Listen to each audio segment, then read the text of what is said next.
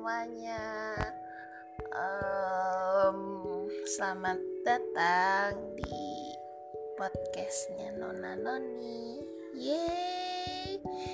Jadi hari ini Kesempatan kali ini aku mau Ngomongin tentang Going to 24 Kenapa going to 24? Karena hari ini podcastnya didedikasikan saat aku berusia 23 tahun dan uh, sedang beranjak untuk menuju usia 24 uh, nginjak usia sekarang usia 23 tuh rasanya harus lebih tenang lebih diem lebih bisa nerima legowo sabar ikhlas uh, tentang apa pun ya tentang semuanya datang dan pergi rencana yang harus diputar balik dan akhirnya cari garis mulai yang baru emang gak gampang. Manusiawi kok kalau kesusahan kan tandanya manusia kalau kita nggak berkuasa atas apa pun yang kita rencanakan gitu. Kita nggak hebat kita nggak sehebat dan nggak sepowerful itu buat mengendalikan semuanya yang kita mau tetap on track sesuai dengan apa yang kita mau gitu. Tentunya pasti dari sini bakalan banyak banget eh, hal-hal uh, yang bikin kita jadi lebih belajar.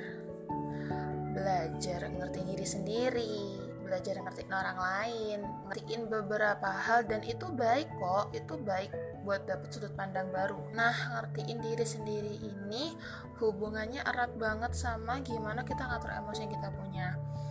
Semua orang punya caranya masing-masing ada yang suka nulis di note atau curhat di Twitter. Me atau ada juga yang suka ngomong gini bikin voice note bikin semi podcast yang tujuannya sebenarnya untuk uh, buat kenang-kenangan kali ya kayak anjir pernah ada di fase pendewasaan seperti ini seperti itu. Nah dari banyaknya cara itu aku termasuk orang yang uh, mudah bercerita, mudah untuk mengungkapkan apa yang aku rasain. Gak tahu atau mungkin ekspresif aku juga gak ngerti. Tapi ketika aku sedih ya aku bilang aku sedih.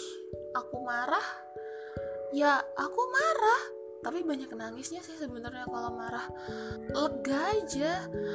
Dan untungnya aku ngerti aku ngerasain apa dan aku harus apa which is aku mengungkapkannya dengan nangis mungkin dan itu bikin lebih tenang nggak berat rasanya. Beberapa cara itu mungkin banyak yang orang yang nggak sesuai nggak sama caranya. Dan ya it's okay nggak apa-apa kalau nggak diterima pun juga nggak apa-apa atau juga kita nggak maksa untuk diterima cara kita mengekspresikan apa yang kita rasakan bagaimana kan. Oke okay nggak apa-apa. Voice message ini uh, aku nggak tahu ketika di upload maksudku ketika rilis cile ketika mengudara di platform Spotify itu keadaanku kayak gimana? Uh, yang jelas semoga tetap baik tetap sehat amin. Tapi yang jelas voice message ini direkam saat lagu-lagu di album It's Personalnya Raisa jadi favorit dan podcast Rintik Seduh tetap bisa mewakilin apa yang aku rasain semua teman-teman banyak yang bilang it's okay Noni. Everything's gonna be okay. And time heals everything. Tapi kadang aku takut karena ketika waktu bisa nyembuhin semuanya aku justru takut aku takut aku nggak dapet uh, hatiku yang teguh